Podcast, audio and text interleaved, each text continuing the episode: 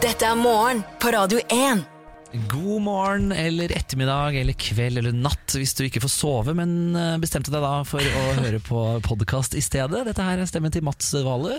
Og jeg er Gita Simonsen. Utrolig hyggelig at du har valgt å laste ned vår podkast. Det stemmer, det er jo ikke de vanlige stemmene som snakker i Radio 1s morgenpodkast. Det er jo eh, Samantha, Ken og Niklas, men de er på ferie, og vi må jo bare forvente at de har dratt på Radio 1-yachten. Ja, fordi vi har egen yacht. Ja, den har ikke vi tilgang til Den ligger i Mjøsa. Ja, den er på Mjøsa. Og Gita, vi har da altså holdt roret i gang den første sommeruka av Ja. ferie, fellesferien. er Hvordan syns du, syns du det har gått? Du, jeg synes det har gått kjempefint. Jeg føler vi har hatt en fin balanse mellom å ha toppsakene, Donald Trump, latterliggjøring osv. Vi har vært politiske, vi har vært innom pride, men vi har også funnet tilbake til den gode følelsen av nostalgi. Ja. Senest eh, da vi snakket om eh, PC-spillet The Sims, og Å du ja, altså. Smeltet. Jeg føler også at jeg har delt litt vel mye den siste uka. Jeg syns ikke du har delt eh, Jo, du har delt mye, men eh, det, det blir mer, vet du. Jeg har delt at eh, jeg var forelsket i Elena på mandag. Jeg var veldig ivrig på Du har delt eh, noe du altså nesten Du trakk deg på det, faktisk. Ja, jeg jeg tvang deg. Vi, vi nevner ikke det nå. Du, du skal, hvis du hører på podkasten, så kommer du til å høre hva Mats liker å spise til frokost hver eneste dag. Du da, Gitta, hvordan syns du første uka har gått? Du, jeg syns det har gått veldig bra.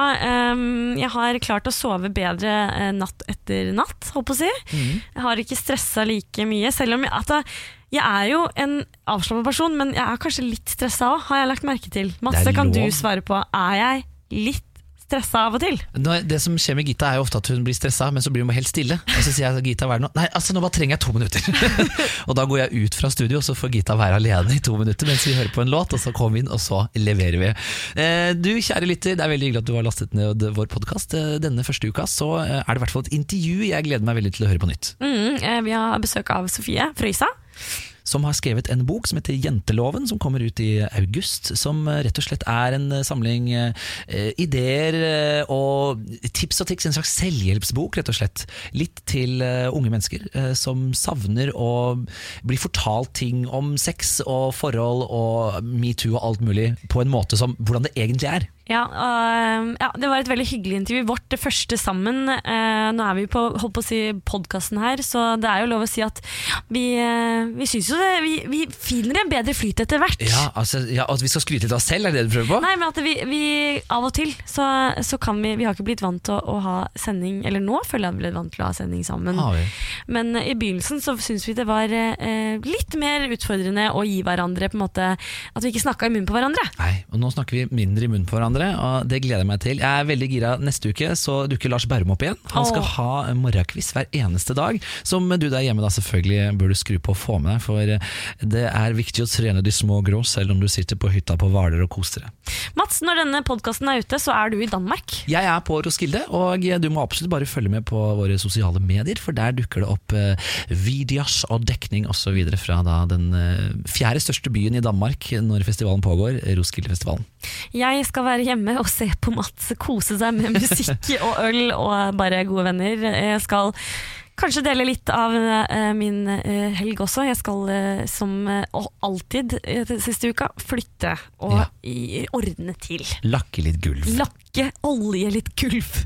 All right, folkens, det er bare å sette i gang. Her får du det beste fra den siste uka. På Radio 1. Så høres vi igjen hver eneste dag i sommer fra syv. Morgen på Radio 1. Det har vært en, eh, det har vært en helg imellom disse dagene her, si. Det har vært en heftig helg. Det har skjedd mye i det ganske land. Det har skjedd mye, blant annet altså, en legendarisk Eminem-konsert. Som eh, Det her skjedde da i Oslo. Um, og det er hele 17 år siden Eminem har vært eh, på norsk jord. Det var det mye i sosiale medier. Mye. Folk hadde lagt ut bilder. Jeg var der ikke selv, men eh, 55 000 ble, billetter ble utsolgt på seks minutter. Og det var altså hardcore Eminem-fans som hadde store forventninger til denne konserten. Leverte han, lurer jeg på. Uh, om han leverte, det har vært litt blanda terningkast. Uh, men altså, arrangørene er det mange som mener ikke leverte. Leverte. Eh, blant annet så var det altså et søppelhav som ventet eh, opprydderne etter um, konserten. Altså Jeg ser på bilder som Vega har lagt ut, og det er helt oppriktig et hav av plastikkopper og uh, asjetter og tallerkener og uh, bestikk rundt omkring på det grønne gresset. Det er jo altså første gang det blir holdt eh, festival der på den, i den skalaen, og det er kanskje vanskelig å vite helt hvordan man skal gjøre det. Men eh, det var ikke bare plastikkhavet som var problemet, var det det? Nei, eh, men eh, eksempel Øyafestivalen, da, som er en annen stor festival, de har skjønt i hvert fall noe med dette med miljøet. Altså, nå tenker jeg at vi lever i en ganske en verden som prøver å være så miljøvennlig som eh, mulig. Og eh, Øyafestivalen har bl.a. begynt med miljøvennlige bestikk og eh, tallerkener. Så man kan jo faktisk spise tallerkenen etter man har spist eh, maten man har kjøpt. Hvis man er mer sulten. Men nei, masse stemmer, det var ikke det eneste problemet eh, på konserten. Eh, Flere fans føler seg altså lurt, og de raser på Facebook. Skriver bl.a. at de har betalt over 1500 kroner for såkalte eh, Golden Circle-billetter. Og de har fått tildelt et kart og kun sett eh, Golden Circle-plass foran scenen. Og så kommer de dit, men nei da. Det er nemlig en Diamond Circle. Det var enda mer eksklusiv circle inni circlen. Ja, som eh, disse Golden Circle-kjøperne ikke har visst om. Nei. Så de har kommet dit og trodd at de skulle stå eh, nærme sjølveste Eminem, men eh, der tok de ganske feil. Og i tillegg til dette så var det litt førstemann til mølla. Jeg er ikke noe for det der klassesystemet på konserter. Altså. Jeg syns det er teit. Men- Kan ikke alle bare stå der de står? Når du har betalt 15 millioner for en billett for at du skal stå innenfor et visst område, ja, da syns jeg du skal få stå innenfor et visst område. Ja, jeg er enig. I eh, Aftenposten så sier arrangørene derimot vi er virkelig stolte. Ja, selvfølgelig. De holder ikke tilbake på Nei, de er veldig fornøyde med åssen de sto til. Ja. Ja, Men uh, Eminem-konserten var ikke det eneste uh, store som skjedde, i, eh, hvert fall ikke bare i Norge. Nei, i helgen. I hele verden ble det altså da feiret pride. Altså. I eh, da blant annet Paris, Dublin, Ukraina og da henholdsvis eh, Oslo og Norge. Det er altså da, det var altså en folkefest. Vi må, Gita, takke deg der hjemme som dukket opp. Altså Radio 1, Vi hadde da vår egen eh, flåte, arrangert av Niklas Baarli. Og I starten så var det liksom eh, 100 folk, kanskje. Og mot slutten av paraden så var det altså det politiet mente måtte være i hvert fall 1200 mennesker. Det er så deilig! Det var helt fantastisk. Det var eh, totalt nesten 200 000 eh, forelskede. Det var sånn eufori i hele byen Ja. på lørdag. Eh, tusen takk til du, kjære Radio 1-lytter, som dukket opp. Eh, det var en glede, og jeg håper virkelig at vi kjører på neste år og gjør akkurat det samme. Ja, det håper jeg også. Og til alle dere andre der som har feiret pride og kjærligheten i helgen. Det er så viktig at vi gjør det. Hva er det man sier? Love is love. Love is all. Å, fy fader, nå fikk jeg litt en følelse sånn afterglow. Det er fint. Dette er morgen på Radio 1. Gita og Mats i studio her. Det er bare å blæste opp lyden. Altså. Nå som alle andre har dratt på jobb på kontoret, så er det bare å vatte opp, opp med alle vinduer og bare kose seg beina på bordet-stemninga. Det er ikke måte på. Det skal være romslig. Det er det det, vi skal holde på her med, i hvert fall. Vi skal bare kose oss sammen med deg der ute hele sommeren. Det eneste problemet mitt er jo at det er tidlig.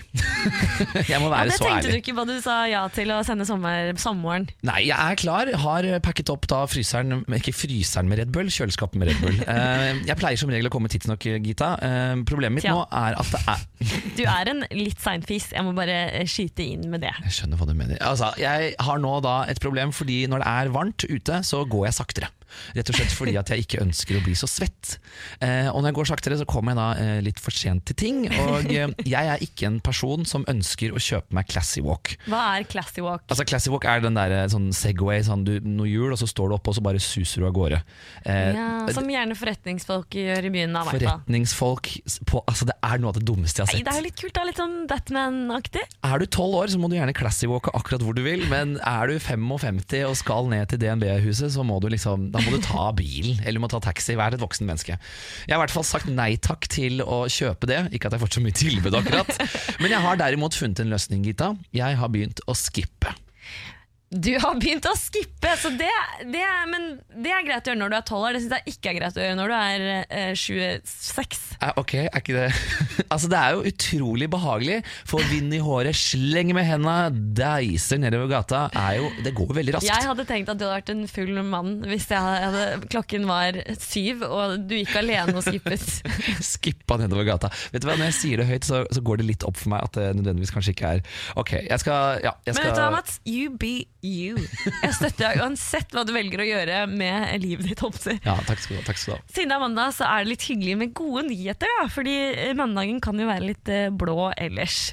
Og da tenker jeg at vi skal til England, fordi noen britiske studenter på Bristol University De har altså samla penger for at deres joviale vaktmester, som de har sagt er selve eh, begrepet på lykke. Og hvis du vil ha en garantert eh, latter, så snakker du med han.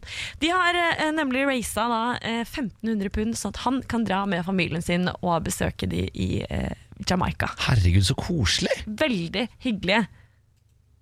God bless, man. God bless. God bless you. God bless. I want to say thank you for everything you done. And God bless every one of you. Se så glad han er! Herregud, så utrolig hyggelig. Og da blir det full pupp på Altså ikke full pupp, da, men god stemning på Jamaica med familien. Ja, og det syns jeg han fortjener. Eh, Han har altså det studentene sier også. Han har eh, fått dem til å keep away negative vibes. Herregud, det er bare folk fra Jamaica som kan gjøre.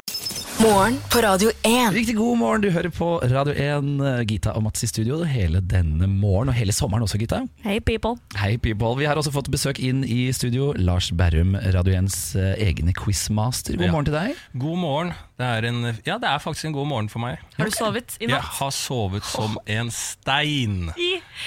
Det er ikke hver dag. Det er, det er ikke hver dag. Nei, det er kanskje ikke det. Jeg bruker alltid veldig lang tid på å sovne, så Ja. det er ikke alltid jeg får mest søvn. Men i dag har jeg sovet veldig bra og er veldig klar for å quize dere. Åh, da bare kjører vi i gang. Lars Bærums morgenquiz.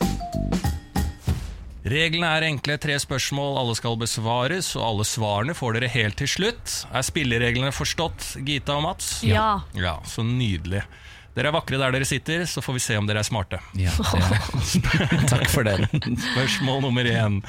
Hva het den første James Bond-filmen, folkens? Du, du, du, du, du. Det er ikke sånn den går. Uh, James Bond, første filmen, det har Goldfinger. Du har um, den siste, Quantum of Solace. Den er det ikke. Nå må jeg brifre med kunnskapen. Uh, så har du jo Det var jo Pierce Brosnan var jo Bond en god stund. Uh, Ja, han er min Bond-mann. ja. Skal vi gå ja. for en Brosnan, da? eller? Nei, den første Nei, det er var Sean vel Connery som var eh, første Bond ma... Nei, jo.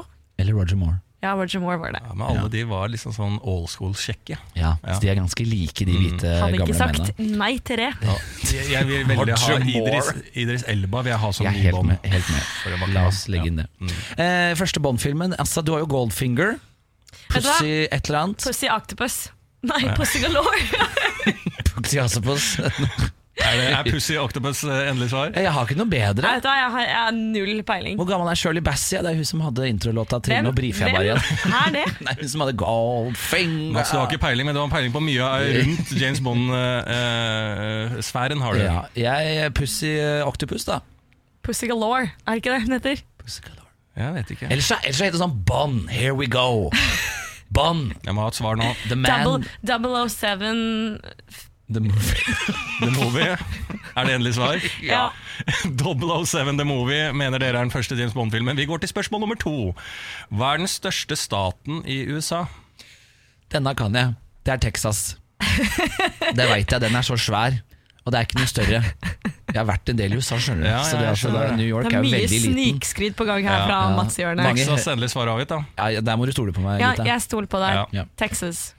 Spørsmål nummer tre. Hvem skrev 'Charlie og sjokoladefabrikken'?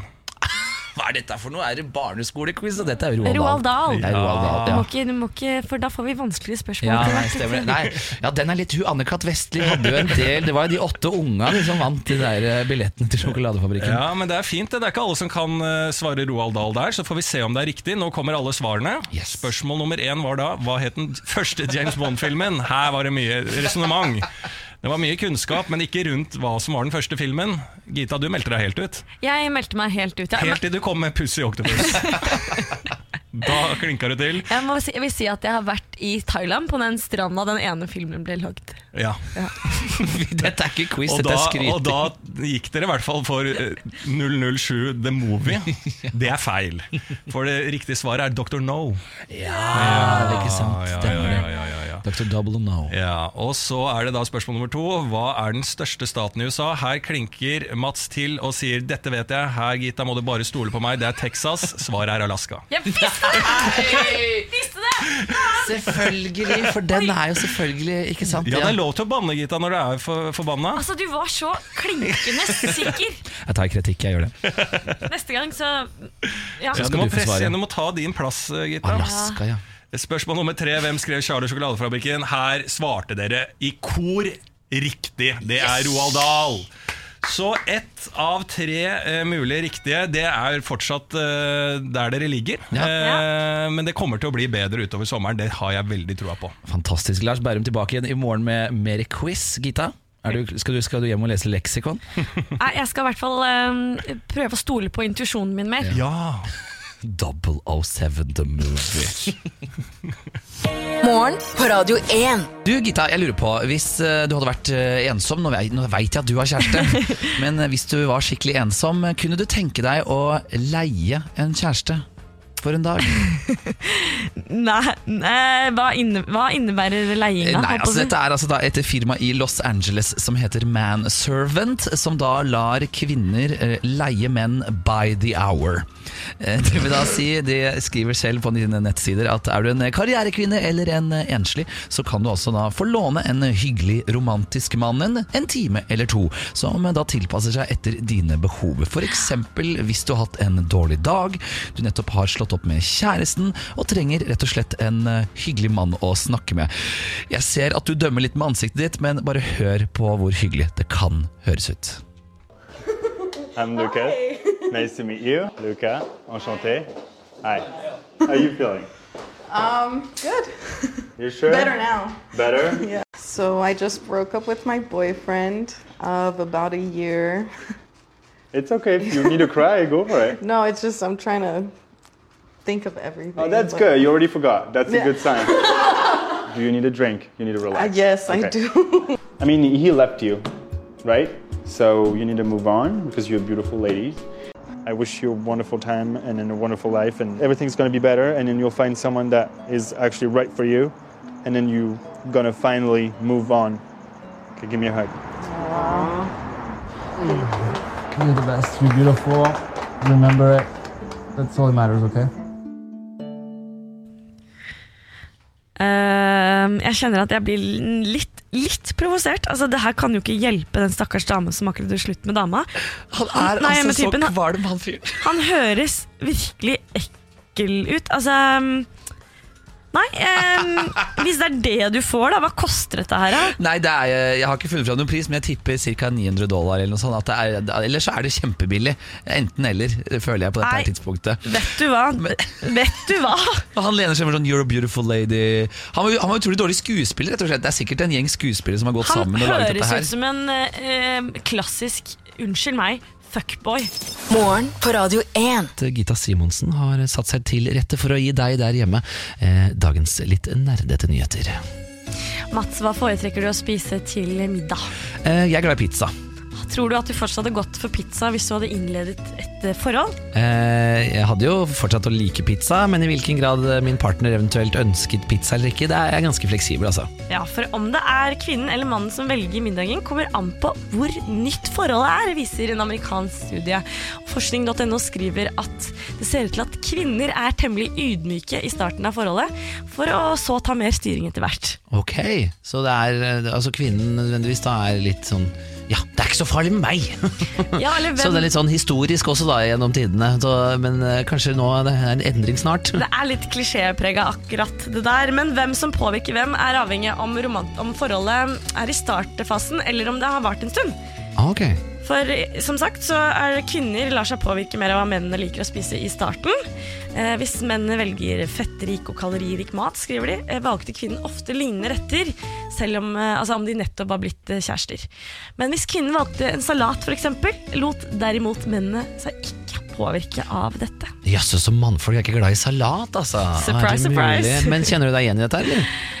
Eh, jeg liker å tro at jeg velger det jeg vil spise, eh, men jeg kan jo skjønne at man blir påvirka av ja, man ikke spiser taco på første date, selv om det var det jeg gjorde med kjæresten min. Men altså, du der hjemme også, du er jo enig i at hvis du er litt sånn forelska, så, så går du med på mye, gjør du ikke det? Jo, man gjør det. Eh, og det med at menn kanskje kan gå for noe annet, skriver eh, professoren at det kan være, ha noe med å gjøre at menn foretrekker eh, eh, Nei, at eh, kvinner foretrekker menn som har viljestyrke. Ah, ok, Så det er litt sånn dyrisk rett og slett fremdeles når det kommer til matvalget, da. Ja, Og så kan det være at kvinner velger å eh, liksom eh, si greit, jeg spiser det samme som deg, for, å, for harmoni og unngå konflikter, da. Ja vel, ja vel. Jaså, ja, dette her visste jeg ikke, men det var informasjon som kom eh, godt til nytte. Ja, og Motsatt så ser det ut at menn blir påvirket av kvinnenes matvaner når forholdet har vart en stund. Ja, ok, For da er det mer de som lager maten, da, sånn, eh, sånn Ja. historisk. Fordi man går gjerne etter den som har mest peiling, tar avgjørelsen, og eh, generelt sett så har kvinner mer peiling på kosthold og mat. Så hvis da kvinnen, hvis du har hatt kjæreste lenge eller vært gift, og du velger noe eh, sunt, så kan eh, da mannen velge noe, eh, ja, noe av det samme. Ja, jeg er enig, Gitta, men jeg vil si at det er for lett. Sånn funker ikke. Eh, Det er nok av mannfolk som er glad i å lage mat og omvendt, men Ja, jeg er jo enig i at kanskje primært, Selvfølgelig. Naturlig, så er det forskning viser. Ja, jeg er helt enig. Altså, menn, eh, de beste kokkene er jo ofte menn, dessverre. Men eh, så for meg Jeg liker jo å tro at eh, vi kvinner skal Ja, men det er jo fryktelig mange gode kvinnelige kokker også. Ja, er men som, som du sier, det er, menn er gode til å lage mat òg. Men dette er en ja, generell studie. Kjærestepar, hvem bestemmer middagen? Hvis du vil lese mer om den, så kan du klikke deg inn på forskning.no. Morgen på Radio 1. Hverdager fra seks. Blitt veldig glad at du hører på Radio 1. Gita og Mats som er da altså eh, vikarer Ja. for eh, Samantha, Niklas og Ken, som vi bare må anta at er eh, i Las Vegas og spiller bort alle penga de har tjent. ja, det antar vi. Jeg har et lite problem, Gita. Det er mye snakk om fake news der ute. Ja, det er det. Eh, Og jeg hevder jo da selvfølgelig at jeg ikke går på fake news, eh, men jeg har gått på en lita fake news. Og det syns jeg faktisk er litt eh, gøy, fordi du er jo en eh, Journalist? Ja, litterær person, holdt på å si. Så eh, jeg hevder jo selv at jeg klarer å lese det, men har altså da gått lenger rundt og sagt at eh, herregud, har dere fått med dere at Game of Thrones det begynner neste uke? Har du sagt det? Jeg har sagt det til opptil flere, fordi jeg har sett en din... Nei, nå føler jeg meg så dum. Å, unnskyld, å, beklager kjærligheter. Jeg har heldigvis ikke sagt det på lufta, men eh, jeg har eh, vært veldig sånn Har du fått med deg at Game of Thrones slippes neste uke? Eh, og det ville jo vært en gigantisk nyhet, for den kommer jo ikke før eh, i nest, til neste år. Liksom, Nei, nei. Neste sesongen. Nei. Eh, og Det er altså rett og slett en sak på en litt sånn sketchy eh, nettside som jeg egentlig tidligere har trodd på. Jeg skal ikke si hvor det er, fordi da ja. Selv om jeg er veldig for altså, selvfølgelig å markere nettsider som kommer med falske nyheter. Ja. Eh, grunnen til at jeg la merke til det, var at de hadde lagt ut en sak hvor de skrev 'Vi beklager at vi la ut feil dato'. Så den fake news-siden eh, sa sorry, det var fake news? Ja, det var rett og slett det de gjorde. Eh, De sa at de mest sannsynlig hadde hatt en eh, glipp, personlig glipp. Eh, Vi vet jo alle hva det betyr. Det er sommervikaren som har lest på en enda mer sketchy nettside at eh, Game of Thrones er tilbake, og så var det ikke det. Nei, eh, det hadde jo kunne kanskje et lite Google-søk til. Ikke for din del, jeg skjønner at du trodde på det. Men Ja, altså? Ja, men Du må tro det jeg leser på VG. Nei da. i dag, eller ikke i dag, i sommer er det vel ganske mange som skal ut på ferie. Og jeg har ofte problemer med når jeg er utenlandsk, og jeg stresser over tips. Over tips, ja. For det er jo ikke tipsing nødvendigvis i Norge, men det er jo gjerne ønsket. Ja, man vet jo ikke hvor mye man skal betale gjerne når man er i utlandet. I Norge så ok, man gir litt ekstra tips, i hvert fall når man er på restaurant, hvis man er fornøyd. Ja. Ellers så dropper man det. Ja. Eh, og tipskulturen har jeg skjønt varierer veldig fra land til land. Noen har jo da som i, i Norge inkludert eh, et servicegebyr. Ja. Eh, men jeg skal ta for meg de vanligste stedene eh, nordmenn reiser til. Ok, Frem med penn og papir, eh, kjære lytter. Hvis du skal til noen av disse landene, så er det da veldig viktig å få med seg hvor mye skal du ta med ekstra. Ja, I Spania så er det vanlig å gi sånn 10% ekstra på restaurantregningen. Ja, I Frankrike så plusser vi på hele 15% Oi, det var veldig mye. Ja, Hvis du er eh, fornøyd, selvfølgelig. Franskmennene er aldri fornøyd, så de må bare ja, det er, ja vi tipser aldri. I Tyrkia eh, 10-15% Og eh, hvis du, dette er generelt råd fra meg, reisevante G. Eh, hvis du skal ta taxi, avtal prisen på forhånd. Vet du hva, Det har jeg aldri gjort, men skal begynne med nå. Eh, Jeg har tatt Uber eh, i USA f.eks., og det er altså ikke noe diggere enn å vite sånn Det koster det! Ferdig. Ja, Ferdig. snakka. Så slipper du det ubehagelige eh, på slutten der. Bare sånn Oi, det var ikke det Det var ikke det jeg hadde sett for meg. Nei, ikke sant. Eh, men i USA, Ja, hold dere fast, mine damer og herrer. Der alle servitører forventer tips. Om Ja. du gir 10% så er du ikke fornøyd. Nei, det er jo en fornærmelse. Jeg har faktisk fått høre det eh, for en av mine første ganger hvor jeg da ikke tipset. I Nei. det hele tatt, Og det var helt krise. For da tenkte jeg sånn, ja ja, men de får jo Men det er jo altså, skulle jo ikke tro at USA, men det er jo u-land når det kommer til serveringsyrket. De får jo ikke betalt. Nei, og da de le, altså, Mye av lønnen kommer jo nettopp fra tipsen. Så 15% betyr ok, eh, 20-25 betyr at du er fornøyd. Så du må alltid regne med litt ekstra på eh, spesielt da regningen i USA. Ja, så er flybilletten til 900 kroner, så må du bare regne med at det er ca. det du kommer til å betale når du tar taxi fra flyplassen og inn til New York City også, for å si det sånn. Det som overrasker meg mest, er at du alltid skal betale pikkoloen litt ekstra for bagasjen. Skal man det? Yes, Overalt, tydeligvis. Morgen på Radio 1. Eh, God eh, torsdagsmorgen til deg der hjemme. Håper du har det bra, at du ikke er utsatt for noe metoo. Det er viktig. Vi har jo kommet langt i, i veien helt siden da anklagene fra da eh, New York Times kom mot eh, filmprodusent Harvey Weinstein i fjor. Hele metoo- eh, metoo-bevegelsen føler jeg har vært altså, et frisk pust inn i ikke bare liksom filminstitusjonen og liksom kulturverdenen, og sånn, men i alle mulige forskjellige instanser. Absolutt. Eh, f- Mange altså, arbeidsplasser som nå har ja, Folk har kommet fram, og ting har skjedd, da. Selv på liksom rørleggerbedriften til pappa så var julebordet litt hyggeligere i år fordi Altså Ikke at det var dårlig før, men det var litt sånn man, ja, jeg vet ikke, litt mindre mannete mannete, og det er liksom på en rørleggerbedrift også, vel å merke. Nå er da altså ettermælet for Harry Weinstein eh, en storsak. Han er da eh, anklaget i New York City for to, eh, to overgrep, eh, og har da fått tre ytterligere overgrep, eh, overgrepsanklager mot seg, og rettsprosessen har da nå begynt. Og Én ting er jo å være i New York og ha liksom fem voldtektsanklager mot seg, men han har da også nå to stykker i Los Angeles og en i London. For en ekkel fyr. Så Weinstein han er litt ute å kjøre nå, og IndieWire de kan skrive at ifølge eh, de, eh, ifølge de da, så kan Harry Weinstein ende opp med å tilbringe resten av livet sitt i fengsel. Og var det verdt det? Var antageligvis ikke. Ja, Men han nei. var jo en eh, Er jo sikkert fremdeles en eh, ekkel, eh, maktsyk person som brukte eh, sin rolle da, og som sjef og eh, in, slags influenser i mediebransjen og En filmbransjen. Negativ influenser på mange måter. Han eh, skylder også da store summer penger til bl.a. store stjerner som Meryl Streep og Quentin Tarantino. Og Det er millionkrassen da som skal tilbakebetales, så det blir både økonomisk og fengsel på Weinstein. Så tenker jeg, eh, når jeg leser denne saken, eh, at på et eller annet tidspunkt så, eh, så må vi tilgi han. Og det er min idé eh, når det kommer til at vi kan ikke kalle Harry Weinstein for det rasshølet han er, eh, hvis han f.eks. havner i fengsel eller For på et eller annet sted så må vi begynne å, å gjøre opp for oss igjen. Altså Han må få lov til å kunne gjøre opp for seg. Og det er der jeg tenker, hvis vi da hopper et steg til siden og tar Kevin Spacey, som nå da har vært på rehab osv., Mm. hvor lenge skal vi hate Kevin Spacey? Gitta. Jo, men eh, det er Å, det er vanskelig, Mats. Hvorfor det? Jeg syns jo på en måte at når du har gjort sånne ting For det handler jo om Det er jo et altså, sjukt menneske som holder på sånn. Men hvor er tilgivelsene? Eh, Jeg tror ikke jeg kan eh, Altså, jeg tror ikke Harry eh, Weinstein Weinstein Fortjener tilgivelse? eller? Kevin Spacey nødvendigvis er så fryktelig lei seg. De er lei seg for at de ble tatt, ikke for det de har gjort. Ellers hadde de ikke holdt på så lenge. Spesielt Weinstein. Altså, Ja, dette er jeg- ikke ett tilfelle, dette er antageligvis 15. Ikke sant? Så mange unge eh, skuespillere, kvinnelige, har kommet ut og sagt hvordan de har blitt behandlet av han. Det er ikke verdt altså, Jeg syns seriøst ikke synd på han der. Og jeg er drittlei, rett og slett, av eh, maktsyke folk som skal utnytte posisjonen sin, som egentlig skal hjelpe deg på veien. Ja, det er jeg enig i. med To saker da, i forhold til at eh, det, det er forkastelig, men i fremtiden så må man, med alle som gjør noe gærent, kunne tilgi dem på et tidspunkt. Det er du enig i? Ja, men syns du at han skal eh, Ja, det syns jeg. Fordi ellers så er vi like ille mot han som han var mot folk.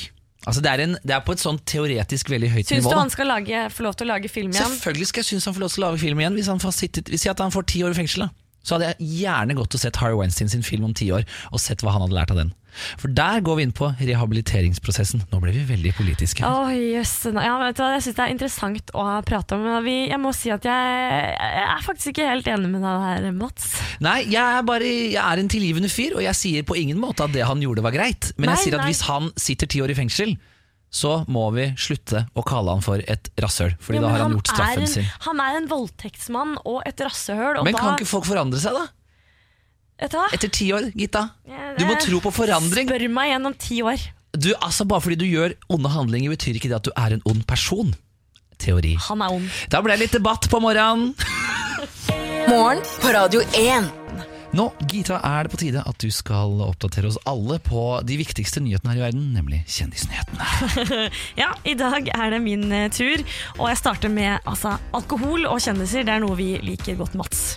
er det ikke det? Vel, du sier det, du. Og det er eh, noen kjendiser som har gjort stor suksess med alkohol, bl.a. blant annet George Clooney, som solgte Tequila-selskapet sitt for 1 milliard dollar i fjor.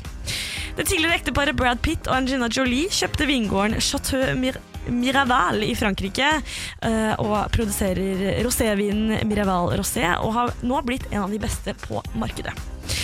Skuespiller og selverklært vinelsker Drew Barrymore har også startet med vinproduksjon og produserer altså rosévin i California. Tidligere fotballspiller David Beckham han lager eh, whisky, og den verdenskjente rapperen JC han holder på med champagne. Ah, disse her nå er rett på polet for meg, altså. Jeg har lyst på kjendisdrinks. Oh yes. Nylig kåret Times Magazine de 25 mest innflytelsesrike personer på internett. Oi! Har du noen mistanker om hvem det Nei, kan ja, være? Kanskje at det er en av oss, da, eller? Artisten Rihanna, president Donald Trump og Kylie Jenner har alle fått plass eh, blant det avisen mener er de 25 mest innflytelsesrike personene på internett.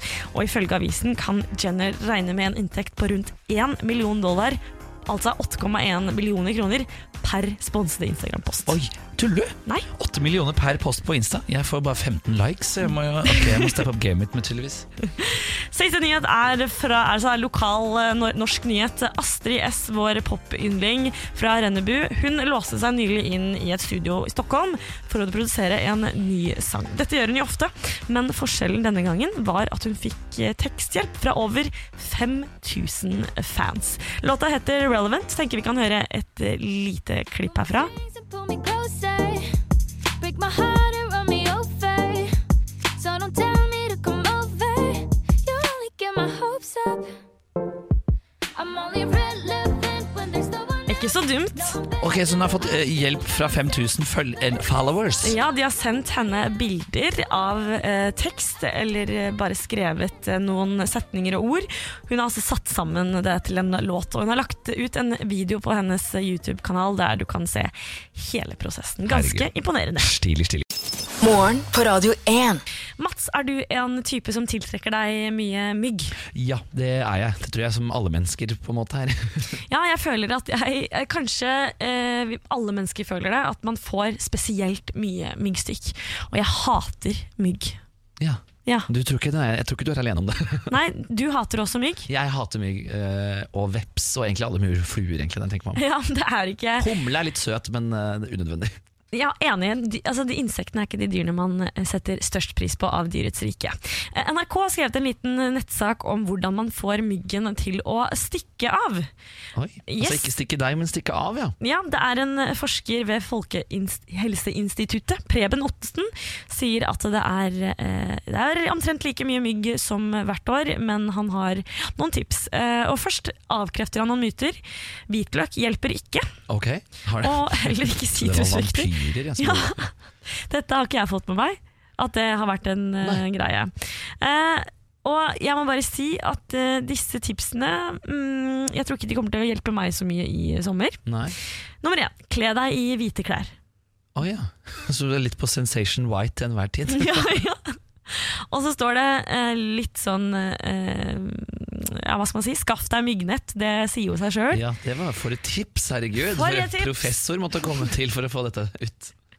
Uh, og hvis ikke det var nok, har du hørt om myggmagneter, uh, Mats? Ja, så det har jeg. Det tror jeg alle der ute og hjemme også har. Hatt sånne, sånne grønne spiraler som du har på hytta. Ja, men Det er et bilde på NRK her. En, veldig, altså en enorm magnet. Ok. Og så står det også um, at de er veldig effektive, men det er fremdeles mange mygg igjen og, som kan stikke deg.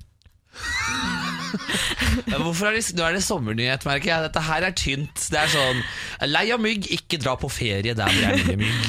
Ikke sant? Og et par siste tips her. Det fins også tabletter mot mygg, men han skriver også at ja, vær klar over at man også kan få dette stoffet i lungene, og dette er jo ikke bra. Nei, så Så hold deg egentlig unna tabletten òg. det viktigste er ikke klø, og kjøp myggnetting, da. Og i disse tørketidene så er det også viktig å ta med seg tipset tenn bål. Å ja, for da blir myggen borte. Ja. Men ikke tenn bål, da. Det er viktig, er da viktig. kan det jo ta fyr i hele skogen. Du Gita, jeg driver og passer en katt om dagen. En eh, kjendiskatt. Oh. eh, Prins Rambo. Kommer jeg hjem til og koser meg hver eneste dag. Jeg er egentlig da et hundemenneske, men eh, har da katt nå og begynner egentlig å bli litt forelsket i, i katt. Eh, eh, men jeg har et problem med katten. I, I går jeg sleit litt med å få han inn, og i dag så tror jeg han har spist et batteri. Mats! Ja, eller jeg kom hjem i går, så har jeg hatt noen batterier liggende, og de er borte. Så nå er jeg helt på at jeg må ut etterpå og kjøpe avføringsmiddel og ha det i. For hvis altså, den katten har spist et batteri, er ikke det farlig?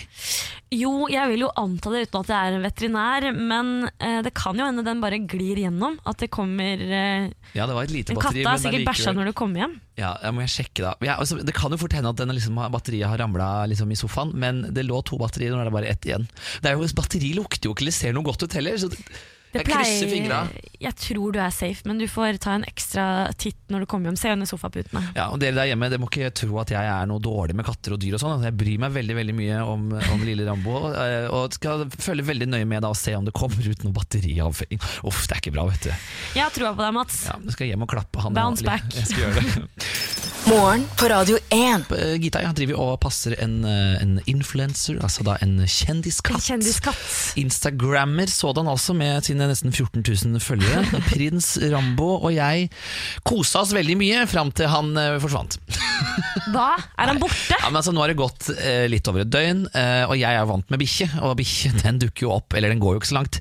Katter derimot, de er visstnok de, de er visstnok kan være ute, har jeg skjønt. Katter er som Beyoncé. De er bare queen. De gjør det de vil, og kommer når de vil. Og um, Og jeg har faktisk ikke levd med en mer primadonna enn Rambo, som er liksom sånn Jeg kommer hjem og så bare sånn legger han seg på gulvet og bare sånn Klø meg, vær så snill! ditt, eh, ditt menneske. Du må ta vare på meg. Nei, nå er jeg, jeg, har, eh, jeg har øynene på eh, jeg har, Det høres veldig dumt ut. Jeg har en, eh, en iPad som jeg har satt opp, som jeg kan ringe med sånn autosvar, sånn at jeg kan se liksom, litt av leiligheten. Så jeg skal ringe opp etterpå og se. Å, så søt du er! Ja, det er ikke er. overvåkningskamera, men jeg har tenkt at jeg i hvert fall skal ringe opp etterpå og se Jeg om det han er er veldig hyggelig at du passer såpass på Rambo. Og så, altså Katter kan jo være borte i mange døgn, så jeg tror ikke du skal være stressa. Nei, jeg er ikke så Jeg, jeg er litt stressa, men det får, ja, det får gå. Altså Dyr er fantastiske vesener, og jeg driver jo med eller har et slags prosjekt der jeg prøver å få kjæresten min med på å få hund, rett og slett. Ja.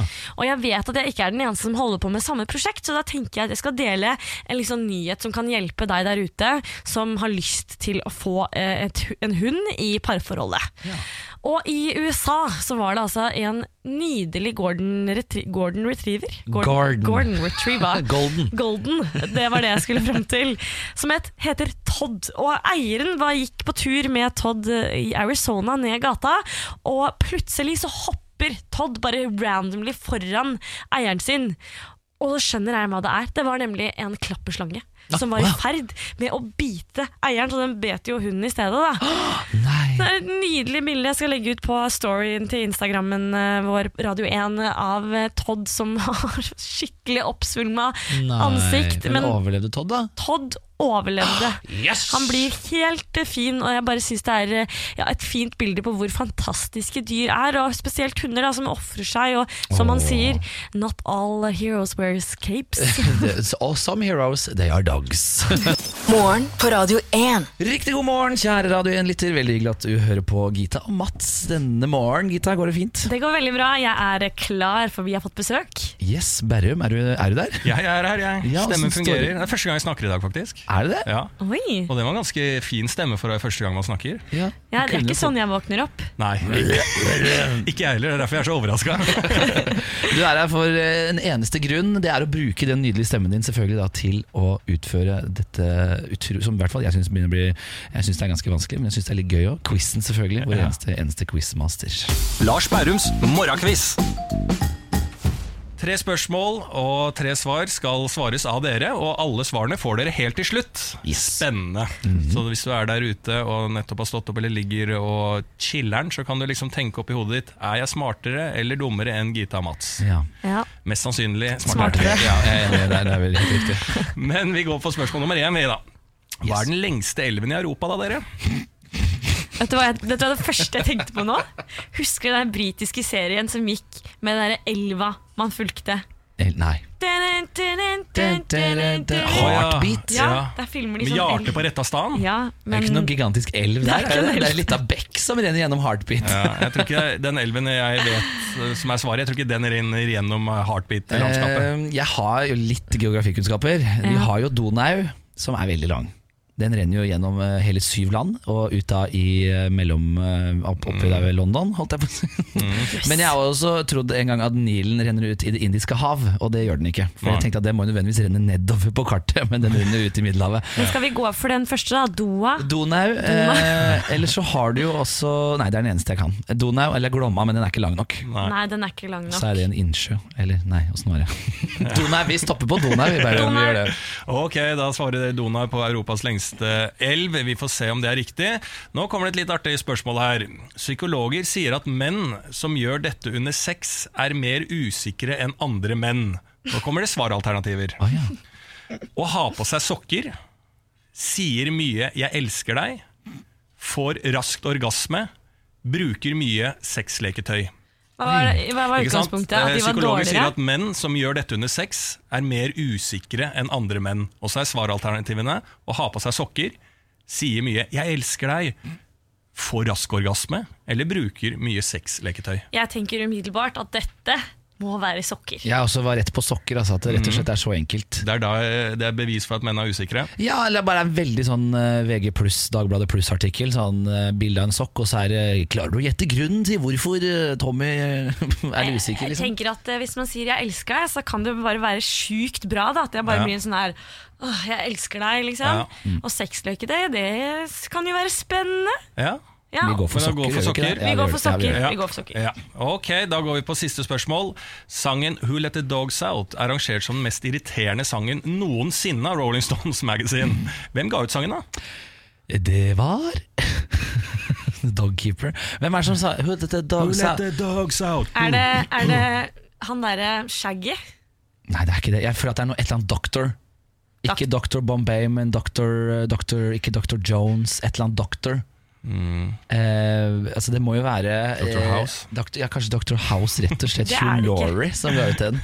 Eh, ja, nei, du er best, er Shaggy. Det er ikke Shaggy, for Shaggy han synger sånn her. Og Ja, men den går jo sånn. over til sånn. Ah, jeg føler at dette var en slager på Ibiza i 97, og Da var da var jo ikke jeg der. Ikke sant, nemlig Men jeg husker jo låta. Jeg, jeg, altså, Jeg må hvem- ha et svar her nå, folkens. eh, Dr. Jones. Tis, altså, jeg vet at Shaggy var It Wasn't Me også, men uh, altså, det, er, det er det jeg kommer med. Dr. Shaggy, da. Vi veit at det ikke er sant heller. Nei, nei. Nei, men Da kan du få Du kan få Gita. Ja, men, men hvis jeg- det blir, ikke er Shaggy, det er på ditt fat. Men hvis det ikke er Dr. Jones heller, så er Dr. det greit Dr. Jones er vel en aquas- aqualåt. ja, ja, men han eh, hadde jo karriere etter Aqualenes tid. Ok, men Da går det for Shaggy? ja, men du skjønner hva jeg mener, det er i det landskapet. Ja, ok, da får vi alle svarene. Uh, hva er den lengste elven i Europa da, folkens? Her svarte dere Donau. Ja. Volga er riktig. Ah, Den er 3530 km lang. Mm. Og så kom spørsmål nummer to, et litt artighet. Psykologer sier at menn som gjør dette under sex, er mer usikre enn andre menn. Og da er det riktige svaret å ha på seg sokker. Ja Så menn som har Ja på seg sokker, dere er bare usikre! ja, det er bare det det handler om. Ja. Og så var siste spørsmål sangen Who Let The Dogs Out, som er rangert som den mest irriterende sangen noensinne av Rolling Stones Magazine. Men hvem ga ut denne låten? Var det Shaggy, eller var det Dr. Jones? Det var ingen av de! Nei. Det var Bahamen! Ja, Ja, men da var vi like begge to. Bahamen, ja, det var det det var, ja. Ja. Så her fikk dere rett og slett, tro det eller ei, ett riktig av tre mulige. Igjen! Surprise, surprise! Det er der vi ligger. Ja. Hver eneste quiz til nå, så langt til denne julien her, så har vi fått én av tre. Vi er en tredjedels flinke. Ja. Mandag blir dagen. Mandag, da tar vi det. Da tar vi det. Eh, god helg, da, Berrum, så snakkes vi til God uka. helg. Morgen på Radio 1. Da husker du hva som tok helt av for to år siden? Det var mange ting som tok helt av. Nå må du bare Men konkretisere deg. Men hvis jeg spiller av denne her, for eksempel Ja da. Pokémon. I wanna Be the very best For to år siden så tok det altså da var jo sommeraktivitet numero uno i Norge du, og i hele verden, for den saks skyld. Hva er det Pokémon Go? Det er Pokémon GO, selvfølgelig. Og ikke siden lanseringen for to år siden så har noe spill blitt eh, så populært som på en måte får folk ut også, ikke bare nødvendigvis sitte hjemme og spiller. Og nå vil altså skaperne av Pokémon GO lage lignende spill med samme type teknologi. Og jeg vet ikke om du har lagt merke til det, men eh, det var jo en hype for to år siden. Men det er en del folk som fremdeles spiller Pokémon GO, og Aftenposten har snakket med Mira Macaroni, som hun heter, er litt morsomt. Hun er altså 51 år gammel, så en litt annen målgruppe enn det du kanskje umiddelbart Oi. tenker på når du tenker på Pokémon GO. Hun sier at hun har spilt eh, helt siden det kom, og spiller det hele året. Og nå er det herlig at det er godt og varmt, og ser eh, folk ute på gaten igjen. Eh, Og hvordan spotter man en Pokémon Goer? Jo, det spotter man fordi de har med seg sånn portable charger. Å ja, ja, ja, ja det, det skjønner jeg, fordi det sluker batteriet, har jeg skjønt. Det er også en av problemene og utfordringene til eh, da, teknologien. Nå når da Jurassic World Alive kommer, Oi. i samme type sånn hvor du går rundt og liksom kan holde opp telefonen og da eventuelt se da forskjellige sånne dinosaurer i gatene. da. Jeg kjenner at jeg har lyst til å laste ned den når den kommer, faktisk. Jeg, jeg er faktisk litt gira. The Walking Dead også, vet ikke om du har sett TV-serien. Eh, Den eh, kommer altså da visstnok ifølge Forbes en slags spillversjon, hvor du da liksom sikkert da må løpe rundt da og, og drepe zombier osv. osv. Det er sjelden at man, altså jeg er så positiv til um, altså gaming og spill, men jeg husker en sak for da rundt to år siden der det var en amerikansk familie som var kjempeovervektige. Begynte å spille Pokémon GO, var ute hele tiden og gikk altså masse Dette er ikke tull. Det Gikk er masse ned i helt vekt. fantastisk. Herregud, det er jo det, Vet du hva, det er, jeg liker den type spill. Eh, Det er også en, en versjon av denne type teknologien som jeg gleder meg ekstra til. Og hvis jeg spiller da denne her Det stemmer. Det er altså da ekstremt store forventninger til Niantics neste spill, nemlig Harry Potter Wizards Unite. Altså, Nå fikk jeg fry Ja, frysninger. jeg, dette her er så vakkert. Den, eh, jeg vet ikke helt når den kommer ennå, men da må du da vel, vel å merke ut da, og løpe og være trollmann, og det, det tror jeg kan, Kan ta. vi gjøre det sammen, Ja, Mats? det syns jeg absolutt vi skal gjøre. Det er bare å glede seg. Uff, nei, vet du det var gode nyheter, nyheter på en litt, litt, litt trist dag for meg. Hvorfor selv om det? det egentlig er en glad dag.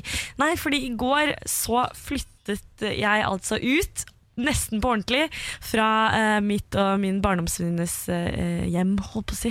Ja, og du flytta! Fordi jeg skal bli samboer med min kjæreste Tarjei, og det er kjempehyggelig. Ja, men Men jeg sto på rommet mitt i går og pakket eh, tingene mine, altså gamle rommet mitt, og så så jeg på Marianne og Tarjei mens de snakket om at ah, det er jo litt trist dette her, og så begynte jeg å grine. da kom tårene, ja. Nei, men det er lov, Gita.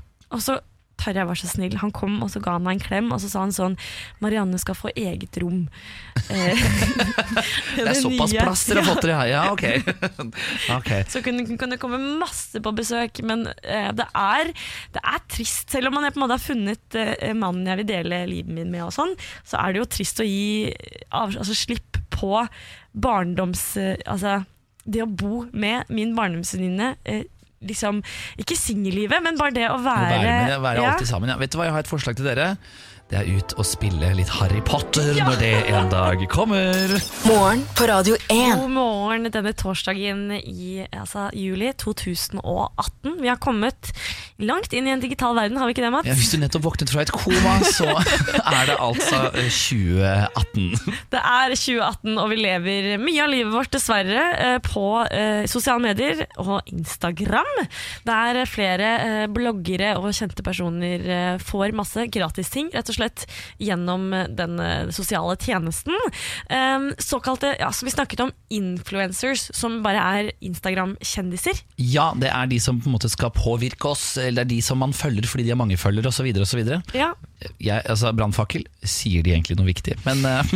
Noen er eh, viktige, andre ikke så veldig viktige. Og det som er med nettet, er jo at veldig mye er fake, lureri. Man kan jukse seg til en smalere midje, man kan jukse seg til likes, og selvfølgelig følgere. Og eh, et medieselskap som heter Media Kicks, de lagde en profil som heter Wandering Girl. Altså, okay.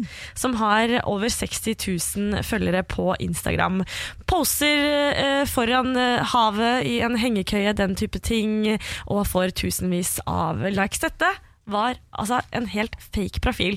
Så skulle de da sjekke eh, hvor mye gratis denne fake profilen kunne ja, og reklame, liksom. Ja. gjennom reklame, og det var påfallende hvor mange eh, restaurantbesøk og fancy hoteller og flyreiser denne fake profilen Hæ? fikk. Ja. Er det helt useriøst? Så bare har man nok followers, så får man free shit, liksom?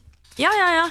Har man nok followers, så får du altså, gratis ting. Og mange av de som ja, svarte, da, var sånn Dette kan vi få til å funke, men vi trenger fem til ti liksom, bilder hvis det er liksom, store ferier, Maldivene og sånne ting. ting.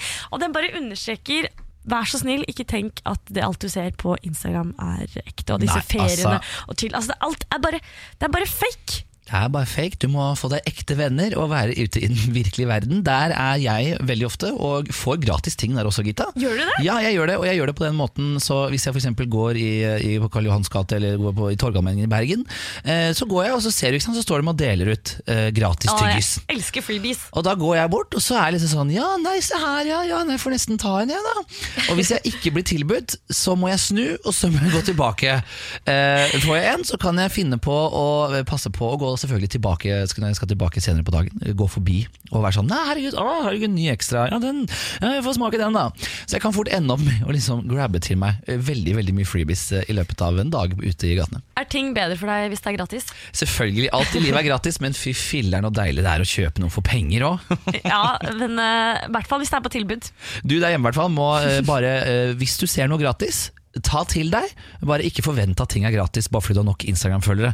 Eh, dra på ferie eh, og betal for den, og så må du gjerne legge ut bilder. Det er litt mer ekte, er det ikke nødvendigvis? Jo, jeg syns, jeg syns det. Morgen på Radio 1. Du, Gita, husker du hva som tok helt av for to år siden? Det var mange ting som tok helt av. Nå må du bare Men eh, hvis jeg spiller av denne her, for eksempel Ja da. Pokémon. I wanna be the very best For to år siden så tok det altså da var jo sommeraktivitet numero uno i Norge du, og i hele verden, for den saks skyld. Er det Pokémon Go? Det er Pokémon GO, selvfølgelig. Og ikke siden lanseringen for to år siden så har noe spill blitt eh, så populært som på en måte får folk ut også, ikke bare nødvendigvis sitte hjemme og spiller. Og nå vil altså skaperne av Pokémon GO lage lignende spill med samme type teknologi. Og jeg vet ikke om du har lagt merke til det, men eh, det var jo en hype for to år siden. Men det er en del folk som fremdeles spiller Pokémon GO, og Aftenposten har snakket med Mira Macaroni, som hun heter, så er litt morsomt. Hun er altså 51 år gammel, litt, en litt annen målgruppe enn det du kanskje umiddelbart Oi. tenker på når du tenker på Pokémon GO. Hun sier at hun har spilt eh, helt siden det kom, og spiller det hele året. Og nå er det herlig at det er godt og varmt, og ser eh, folk ute på gaten igjen. Eh, og hvordan spotter man en Pokémon Goer? Jo, det spotter man fordi de har med seg sånn portable charger. Å ja, ja, ja, ja det, det skjønner jeg, fordi det sluker batteriet, har jeg skjønt. Det er også en av problemene og utfordringene til eh, da, teknologien. Nå når da Jurassic World Alive kommer, Oi. i samme type sånn hvor du går rundt og liksom kan holde opp telefonen og da eventuelt se da forskjellige sånne dinosaurer i gatene. da. Jeg kjenner at jeg har lyst til å laste ned den når den kommer, faktisk. Jeg, jeg er faktisk litt gira. The Walking Dead også, vet ikke om du har sett TV-serien. Eh, Den eh, kommer altså da visstnok ifølge Forbes en slags spillversjon, hvor du da liksom sikkert da må løpe rundt da, og, og drepe zombier osv. osv. Det er sjelden at man, altså jeg er så positiv til um, altså gaming og spill, men jeg husker en sak for da rundt to år siden der det var en amerikansk familie som var kjempeovervektige. Begynte å spille Pokémon Go, var ute hele tiden og gikk altså masse Dette er ikke tull. Det Gikk er masse ned i vekt. fantastisk. Herregud, det er jo det, Vet du hva, det er, jeg liker den type spill. Eh, Det er også en, eh, en versjon av denne type teknologien som jeg gleder meg ekstra til. Og hvis jeg spiller da denne her Det stemmer. Det er altså da ekstremt store forventninger til Niantics neste spill, nemlig Harry Potter Wizards Unite. Altså, Nå fikk jeg frysninger. Ja, jeg, dette her er så vakkert. Den, eh, jeg vet ikke helt når den kommer ennå, men da må du da vel, vel å merke ut da, og løpe og være trollmann, og det, det tror jeg kan, Kan vi ta. gjøre det sammen, Ja, Mats? det syns jeg absolutt vi skal gjøre. Det er bare å glede seg. Uff, nei, vet du det var gode nyheter, nyheter på en litt, litt, litt trist dag for meg. Hvorfor selv om det? egentlig er en glad dag. Nei, fordi i går så flyttet jeg altså ut. Nesten på ordentlig fra eh, mitt og min barndomsvenninnes eh, hjem, holdt på å si. Ja, og du flytta! Fordi jeg skal bli samboer med min kjæreste Tarjei, og det er kjempehyggelig. Ja, men Men jeg sto på rommet mitt i går og pakket eh, tingene mine, altså gamle rommet mitt, og så så jeg på Marianne og Tarjei mens de snakket om at «Ja, det er jo litt trist dette her, og så begynte jeg å grine. da kom tårene, ja. Nei, men det er lov, Gita. Og så Tarjei var så snill. Han kom og så ga han meg en klem, og så sa han sånn Marianne skal få eget rom. Eh, Det er såpass plass dere har fått dere, ja, ok. okay. Så kunne, kunne komme masse på besøk, men eh, det, er, det er trist. Selv om man på en måte har funnet eh, mannen jeg vil dele livet min med, og sånn, så er det jo trist å gi av, altså, slipp på barndoms... Eh, altså, det å bo med min barndomsvenninne. Eh, liksom, ikke singellivet, men bare det å Å være, være, med, være ja. alltid sammen. Ja. Vet du hva, jeg har et forslag til dere. Det er ut og spille litt Harry Potter når det en dag kommer. Morgen på Radio 1. Ja, det er Mats og Gita i studio her, men vi har fått deilig besøk. Sofie Frøysa sitter her. Hun er Hallo. altså da eh, standup-komiker, har, eh, er veldig opptatt av mental helse, skrevet en eh, ny bok som kommer i august, sammen med Ulrikke Falk, som da heter Jenteloven. Og eh, jeg så deg altså da, eh, meget bedugget meg, altså personlig, eh, på lørdag etter Pride-paraden.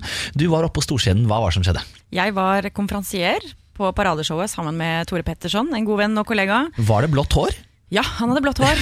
Var det noen hadde anledning Du hadde blått òg? Blondt. Du hadde blondt, ja. ja. Jeg bare må si det siden du var litt bedugget. Så, Ja, eh, det var Tore. i, det er mitt minne, det er derfor du er her, egentlig. Det var Tore som hadde blått eh, hår. Eh, Nei, han liker å eksperimentere litt eh, med farger på sveis.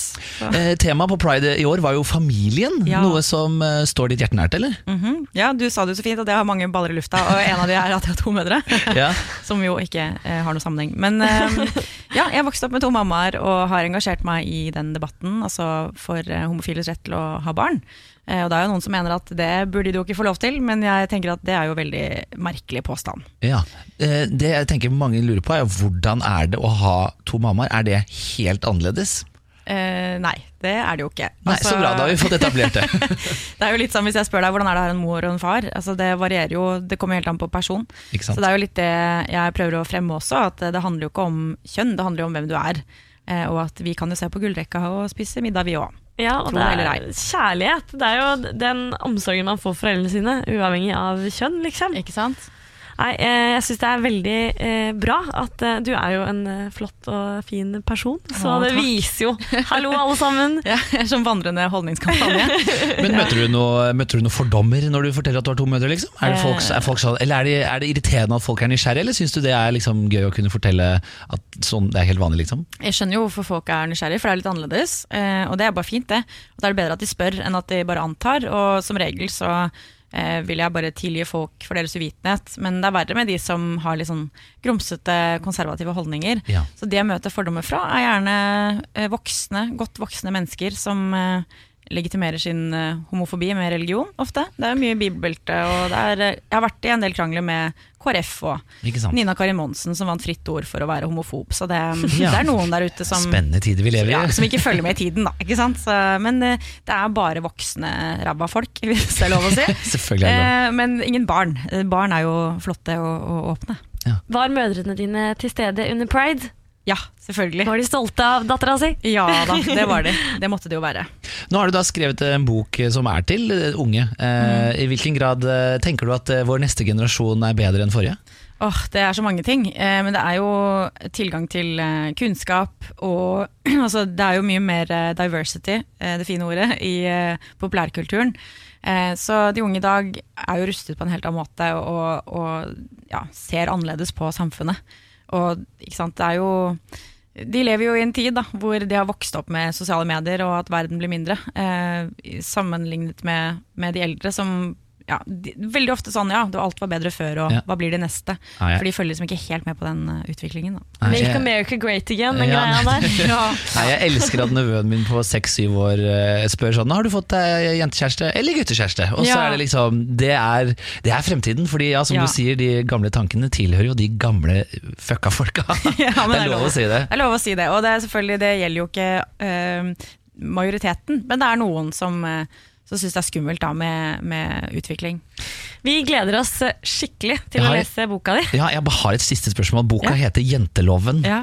Er det noe spark til janteloven? Er det noe litt eh, Altså, hva, hva, er, hva er ideen bak navnet? Um, nei, det er egentlig bare at eh, vi har laget vår egen lov. Ja. Som vi håper at folk skal undertegne. Eh, alt fra oh. politikere til influensere, altså de som styrer landet. da. Stilig. Eh, det gjelder jo begge de jeg nevnte. Så eh, vi har laget vår egen lov som vi håper at folk vil eh, signe under på. Åh, det gleder jeg meg til. Boka kommer i august altså, og heter Jenteloven. Eh, Sofie Frøysa, tusen takk for at du kom. Morgen på Radio 1. Oh, holdt jeg på dette. Nå jeg av stolen. Åh, det er Gita dansa så fælt til Dynamite fra Taya Cruise at hun nesten ramla av stolen fredag morgen. Veldig hyggelig at du hører på Radio 1. Gita Simonsen da nå har kommet seg ned på rumpa. Mats Wahl også sitter her for å holde deg med selskap. Og Gita, dette her har jeg gledet meg til. Ja, fordi det har seg sagt sånn at min kjære mor, hun er en slags guru. Altså, smartere dame skal du lete lenge etter. Og eh, i den anledning så har du rett og slett tatt deg litt av prat med mor. Ja, eh, Hver fredag i sommer så skal eh, mammaen min ganga deg komme med råd om alt som, altså, som vi mennesker sliter med da ofte. Og siden det er sommer, så tenkte jeg at det første jeg skal spørre mor om, det er dette stresset med at man føler at man må ha sommerkroppen på eh, plass. Så spurte jeg mamma hva, hva, skal, man, hva skal man gjøre når man, når man kjenner på det? Selvaksept er viktig. At man bare aksepterer seg selv og erkjenner hvis man føler man eh, kanskje er litt tjukk. Man bare si ja, jeg er litt tjukk, så hva da? Det er viktig å føle seg vel og være sunt. Spise sunt. Ikke man skal uh, trene for at man skal være frisk, og ikke trene for å være tynn. Så hele poenget er ikke å være tynn, men poenget er å føle seg vel. Jeg er helt enig med moren din. Ja, ja. Poenget er å føle seg vel, og om magen strutter og ræva dasser, vet du hva? Føler du deg vel, det er det viktigste. Own it. Så da spurte jeg mor da, eh, hva kan man si til seg selv? Alltid være glad i seg selv og si 'jeg er veldig glad i meg selv', fordi jeg er stolt av meg selv. Det er kun vi som kan gjøre oss glad, ikke noen andre. Det er vår indre. Vi må ha indre glede. Takknemlighet er kjerne, kjerne til å være glad. Hvis man ønsker å føle seg vel, man må først og fremst sette pris på alle de fine ting man har. Og da vil man føle seg vel. At man har tak over huet, mat i kjøleskap, og man har fin natur å gå i. Og det er midnattssol, og man skal nyte det når det er fint vær. Og ikke tenke på kroppen. Bare nyte det. Ja, bare nyt midnattssola. Det er kanskje ikke så mye midnattssol, men det, jo, det er det jo! Det er sol hele natta. Ja. Ja, ja, ja. dette var veldig fint. Og ut og gå i naturen, og det er bra. det er bra Og så eh, til slutt her så har mamma kommet med noen forslag til hva man kan gjøre i stedet for å stresse med kroppen. Vi må kose oss når solen skinner. Ta en kopp kaffe. Ta en fin kake man liker å ha. Kanskje et, en orm hvis man, eh, solen skinner og man har lyst til å føle at man er på ferie. Man må bare ta seg en øl, gå ut. Dette er det beste tipset fra Morin. Bare ta deg en øl, og så slapper du litt av. Det føler jeg er helt fantastisk. Føler du deg klokere? Jeg føler meg faktisk klokere. Jeg gleder meg allerede til neste fredag for flere tips fra morgen til Agita. Morgen på Radio 1. Um, Gita, når du var liten, hadde du et favoritt-PC-spill? Ja, det hadde jeg. Eh, og det er selvfølgelig The eh, Sims. Og jeg bare tenkte jeg skulle bare nå gjøre morgen til alle dere som nettopp våknet litt bedre og nostalgisk. Og For dette er jo Er det building mode, da? Fra The Sims 1? Det er det. Jeg, altså, jeg ser inni hodet mitt nå, så sitter jeg foran PC-en min, legger opp huset, velger ut møbler, tar rosebudkoden, hvis dere husker den. Ja, for å få masse penger, ja. Så man kan kjøpe litt andre typer møbler. ja, det er altså en låt eh, spesielt av denne her fra Building Mode som kommer til det første spillet av The Sims, der man altså PC-spillet hvor man da bygger et hus, og så lever man familien i det huset. Og eh, det er interessant å vite at eh, i ettertiden, da, x, antall år etter at denne, dette spillet kom ut, så har altså denne musikken den har altså da blitt introdusert til millionevis av barn helt uvitent. Og dette er New Age jazz, Gita. Hæ? Du har et veldig nostalgisk personlig forhold til New Age jazz. New Age, jazz, yes, så kulturell jeg er. Yes, I 1999 så ble det altså eh, musiker Jerry Martin satt til eh, å mm, lage litt musikk til spillutvikleren Maxis, da, som har laget The Sims City, nei, altså The Sims. Og satt seg i garasjen sin i San Francisco og ja, meka sammen eh, noen forskjellige greier. Han var veldig New Age jazz-inspirert. Og ideen hans var, og oppgaven, var å lage noe som egentlig ikke merkes. Men som får deg til å tenke gode tanker, føles eh, rolig, lystig, mens du da pusser opp. Det, det, det følte jeg at han fikk til. Altså bare, altså, dette er så deilig å høre på, og det er nesten litt sånn um Altså hypnotiserende. Ja. Du, eh, Gita, eh, og hvis dere, noen av dere der hjemme driver og pusser opp i sommer, eh, det gjør du nemlig, Gita, og Mhm. jeg bare tenker hvis du begynner å merke at det blir litt anspent stemning, bare sett på. Sette på den her. Litt building mode. Jeg får altså så flashbacks. Jeg tror om dere der ute gjør det, og vær så snill, send oss en melding på eh, Facebook. Jeg, jeg sitter altså foran PC-en min, og jeg gama The Sims i åtte timer i strekk. Det er helt fantastisk hva man kunne gjøre. Man kunne liksom leve i en liten familie. Eh, Man kunne også ta livet av det, som en del av mine venner gjorde, Ja, og jeg ja. inkludert, hvor du da bygger basseng og bygger gjerde rundt. Ja, eller eh, først bygger et rom, putter Simen inni der og fjerner døra. Han, eh, Martin han fikk lov til å lage musikken videre til hele tre spill, og på hans nettsider så kan det nå faktisk an å laste ned de første originale. Da.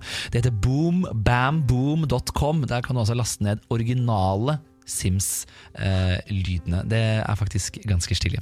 Så der ble du litt nostalgisk, Ja, det var, forhåpentligvis. jeg ble glad på ekte. Å, det er bra. Det er godt å høre, Gita. Dette er morgen på Radio 1.